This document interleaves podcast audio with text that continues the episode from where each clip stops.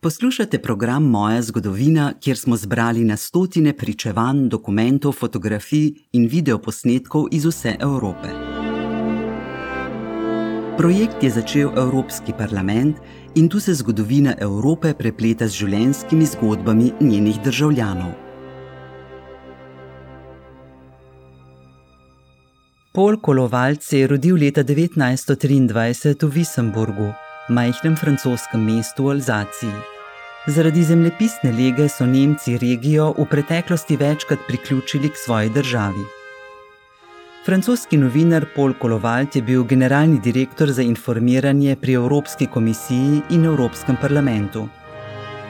V 80-ih letih prejšnjega stoletja je bil tudi vodja urada predsednika Evropskega parlamenta Pjera Flimlina. Njegovo delo je povezano z izgradnjo Evropske unije. V prispevku nam Paul Kolovalt pripoveduje o svoji mladosti, ki jo je zaznamovala vojna. Ma jeunesse, eh, il faut pas oublier que je suis né en 1923. Moja mladost. Ne smemo pozabiti, da sem se rodil leta 1923. V letih 1939 in 1940 pa je izbruhnila vojna. Po francoskem porazu je bila Alzacija priključena Nemčiji. Priključena, ne zasedena. Gre namreč za dve različni stvari. Francija je bila zasedena in razdeljena na severno in južno Francijo, kar eh, je povzročalo veliko težav. Leta 1939 sem upravljal Evropsko maturo. Pripravljal sem se na drugi rok, kar je bil pogoj za sprejemne izpite za vojaško šolo v Sensieru. Vse to je seveda padlo v vodo, ko smo bili priključeni k Nemčiji. Bil sem mlad in naiven in rekel sem si, da se bo vojna končala. Upal sem, da bomo zmagali in da bom lahko nadaljeval svoj projekt.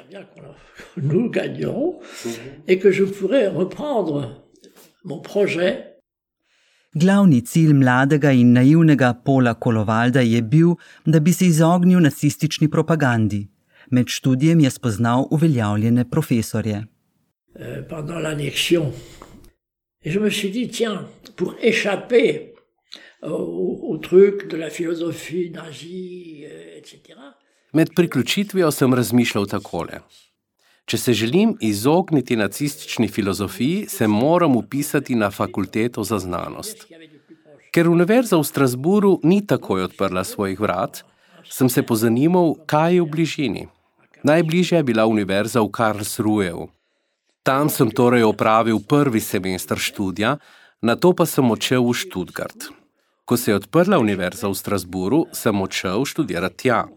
Tako sem se izognil vsej nacistično obarvani filozofiji in zgodovini. Rekl sem si, da sem se dobro znašel.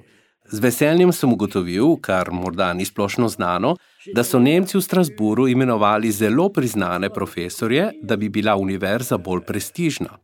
Kemijo je predaval nacist, matematiko in fiziko pa profesor von Weizsäcker, brat prihodnjega predsednika. Si predstavljate? Profesorja von Weizsäckerja so kmalo dali nekoliko na stran in alzaški študenti smo hitro ugotovili, da ni nacist. On pa je bil vesel, da ima s svojimi študenti matematike nekaj skupnega. Šli smo celo na izlet v Vogeze. Študij sem nadaljeval, nadaljevalo pa se je tudi vzajemno zaupanje. To obdobje sem preživel brez večjih pretresov. Prejel sem namreč potrdilo, da študiram in da me ne bodo poslali v vojsko. V tistem času so fante namreč pošiljali v nemške oborožene sile.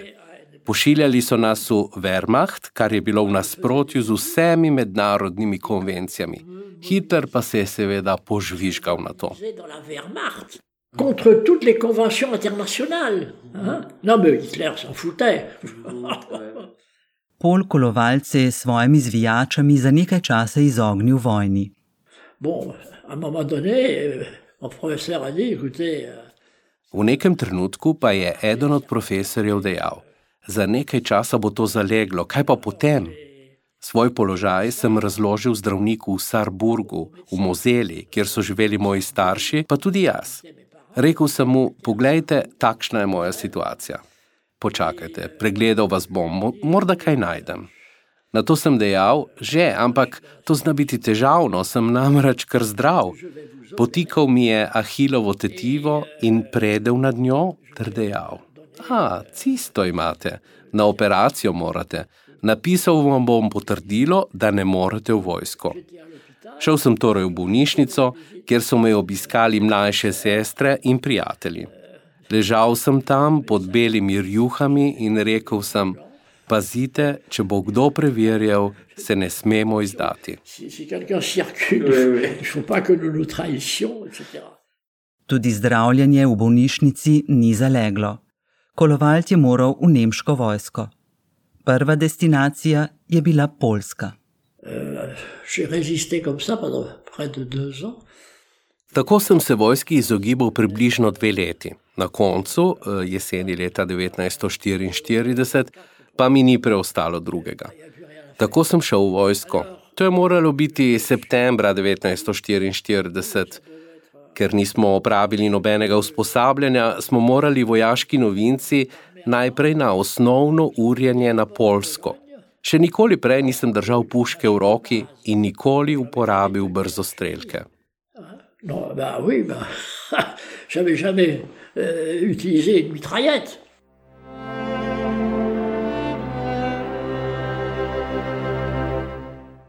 Na polskem je Pol spoznal duhovnika, ki je nasprotoval nacizmu. Prek njega je prejemal novice o vojni. En Pologne, je découvre que euh, Na polskem sem zvedel, da je skoraj vsak dan ob 18. uri maša. Odločil sem se, da grem. Po maši sem šel pozdraviti duhovnika, ki me je vprašal, odkot prihajate. Iz Alzacije sem odvrnil, pa mi je rekel: Pridite nocoj k meni na večerjo, da se bolje spoznava. Zelo je bil vesel, da je lahko govoril francosko, in tako sem večkrat na teden večerjal pri polskem duhovniku. Bolje sva se spoznala. Ko je videl, da mi lahko zaupa, mi je rekel: Čas je za London. Tok, tok, tok, tok, tukaj London. Na starem radiju sva poslušala tu Radio London. Tako sem izvedel veliko stvari, tudi za osvoboditev Kolmarja in Milus. Po tem obdobju sem moral seveda na frontu. Rusi so ustrajno napredovali, bilo je po Stalingradu. euh, Kolovalt postane pomočnik nemškega častnika. comme j'avais fait ces études, on m'avait mis dans le génie. Zaradi narave mojega študija so me namestili v inženirsko četo. Ker sem bil študent, sem delal z vodnikom, bil sem njegov pomočnik. Vodnik je skoraj častnik, gre za najvišji čin med podčastniki.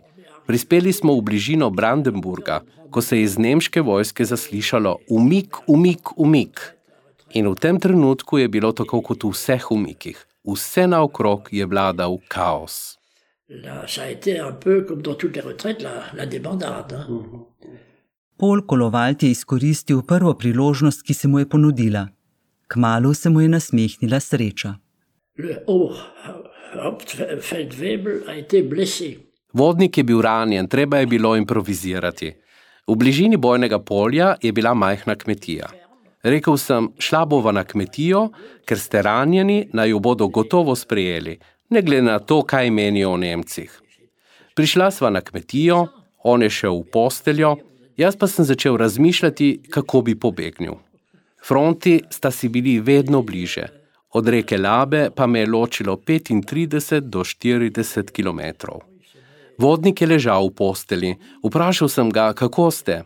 V redu, ampak me boli. Rekel sem, vem, da imate v čutari zelo dobro žganje. A, res je odvrnil, vzemite ga torej, sem rekel. Glu, glu, glu in bil je popolnoma pijan. Pijan. Še zdaj se spomnim, da je bilo v hlevu pet ali šest krav. Tam je bilo tudi stranišče, saj veste, velika deska z luknjo. In kaj sem naredil? Zagledal sem žebelj, na katerem je visela modra delovna obleka.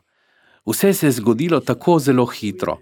Moral sem hitro razmišljati, slekel sem uniformo in jo z vsemi dokumenti vrgel na tla. Oblekel sem hlače na naramnice in si rekel: Laba ni daleč, tvegal bom, kar bo, pa bo. Podal sem se na pot. Ker sem bil scout, sem po soncu vedel, v katero smer moram iti, da bom prišel do labe. Hodil sem proti labi, prispel sem v precej velik kraj in se znašel na križišču. In kaj vidim? Dva motorista, saj veste, z njihovimi velikimi mitraljezi na prsih. Vedno sta bila dva, eden je vozil, drugi pa sedel v bočni prikolici. Bil sem tam in seveda sem moral hitro razmišljati. Ustavita me in me nagovorita v nemščini. Pokažite dokumente, papir, papir. Vedel sem, da so bili mladi francozi prisiljeni delati v nemških tovarnah, zato sem se pretvarjal, da sem eden izmed njih. Rekel sem: Ja, baraka, baraka, tovariša, baraka, bum, bum, raus, raus, niht papir. Spogledala sta se. Mislim, da sta bila zaradi umika vojske tudi ona dva zelo utrujena. In spogledala sta se ponovno. Tisti, ki je bil glavni, je drugemu dejal: Pusti tega tipa. Pretvarjal sem se, da ne razumem, in sem rekel: Niks papir, niks papir. Alo, salo, spojdi, sta odvrnila. Niks papir, niks papir. Alos! Los! A, alos! Oh.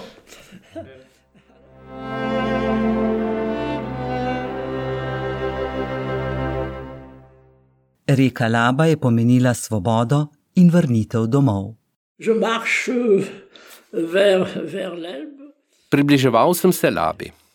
Pet, deset kilometrov pred reko sem srečal ljudi, ki so zapuščali koncentracijsko taborišče.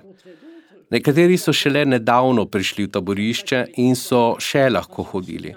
Srečal sem tudi nekdane francoske zapornike. Vladal je kaos. Prispeli smo do reke Labe. Na drugi strani so res da bili američani, ampak seveda nam ne bodo kar poslali čovna in nas vprašali: Gospod, bi se želeli ukrcati? Bil sem z enim od francozov, ki sem jih srečal. Rekel sem mu: Američani so res tu, ampak ne bodo naju dali v prvi razred. Kaj bo vas storila? V bližini je bila porušena hiša, zato mi je rekel: Poslušaj, dva sva in oba pri močeh lahko začneva. Videla sva, da so američani z ljudmi napolnili vagone za živino, da so bili prenatrpani. Kričali so: Ni več prostora, ni več prostora. Pri hiši sva snela velika vrata, položila sva jih na odbijače med dvema vagonoma in si rekla: Bo kar bo. Namestila sva se, vlak se je na poti večkrat ustavil in čez nekaj časa sva lahko šla v vagon. Spomnim se, da je bil vlak namenjen v Pariz. Mislim, da se je ustavil v Liežu. Očitno to ni bil prvi takšen vlak, ki je potoval prek Belgije. Na peronu je Rdeči križ namreč razdeljeval kavo. To je bila torej prva etapa. Končno smo prispeli v Pariz, verjetno na postajo Gare de l'Est. Bil sem namreč brez denarja, brez dokumentov. Ničesar nisem imel. Na peronu sta bila postavljena dva šotora, prvi je pripadal Rdečemu križu, drugi skavtom. Približal sem se slednjemu in dejal: Sem francos iz Mozele, moji starši živijo v Sarburgu in nimam denarja. Vaše dobro delo dneva bi lahko bilo to, da jim pošljete kratek telegram. Vrnil sem se, zdrav sem. V moji knjigi Živine Thelehop, videl sem, kako se je rodila Evropa, je fotokopija tega telegrama, ki je pomiril moje starše. To so razmere, v katerih sem se vrnil. Bil je 10. ali 11. maj. Bil sem med prvimi, ki so se vrnili. Imel sem namreč veliko prijateljev, ki so se vrnili kasneje po različnih poteh. Pripeljali so jih američani, jaz pa sem se lahko z vlakom odpeljal v Sarburg. Bil sem presrečen. Alors moi j'ai pu prendre un train, je suis arrivé à Sarrebourg euh, dans la joie. Pol kolovalc je torej vrnil domov v Sarburg, v Alzacijo. Nadaljeval je svojo življenjsko pot in postal novinar. Na to je začel delati pri Evropski skupnosti za premok in jeklo, ki je bila ustanovljena leta 1952, kjer se je srečal z ustanovitelji Evropske unije. O tem pa bomo govorili v drugem delu prispevka o Polu Kolovaldu. Pripravljen bo na podlagi intervjuja, ki ga je z njim opravil generalni direktor za prevajanje pri Evropskem parlamentu Walter Maurič.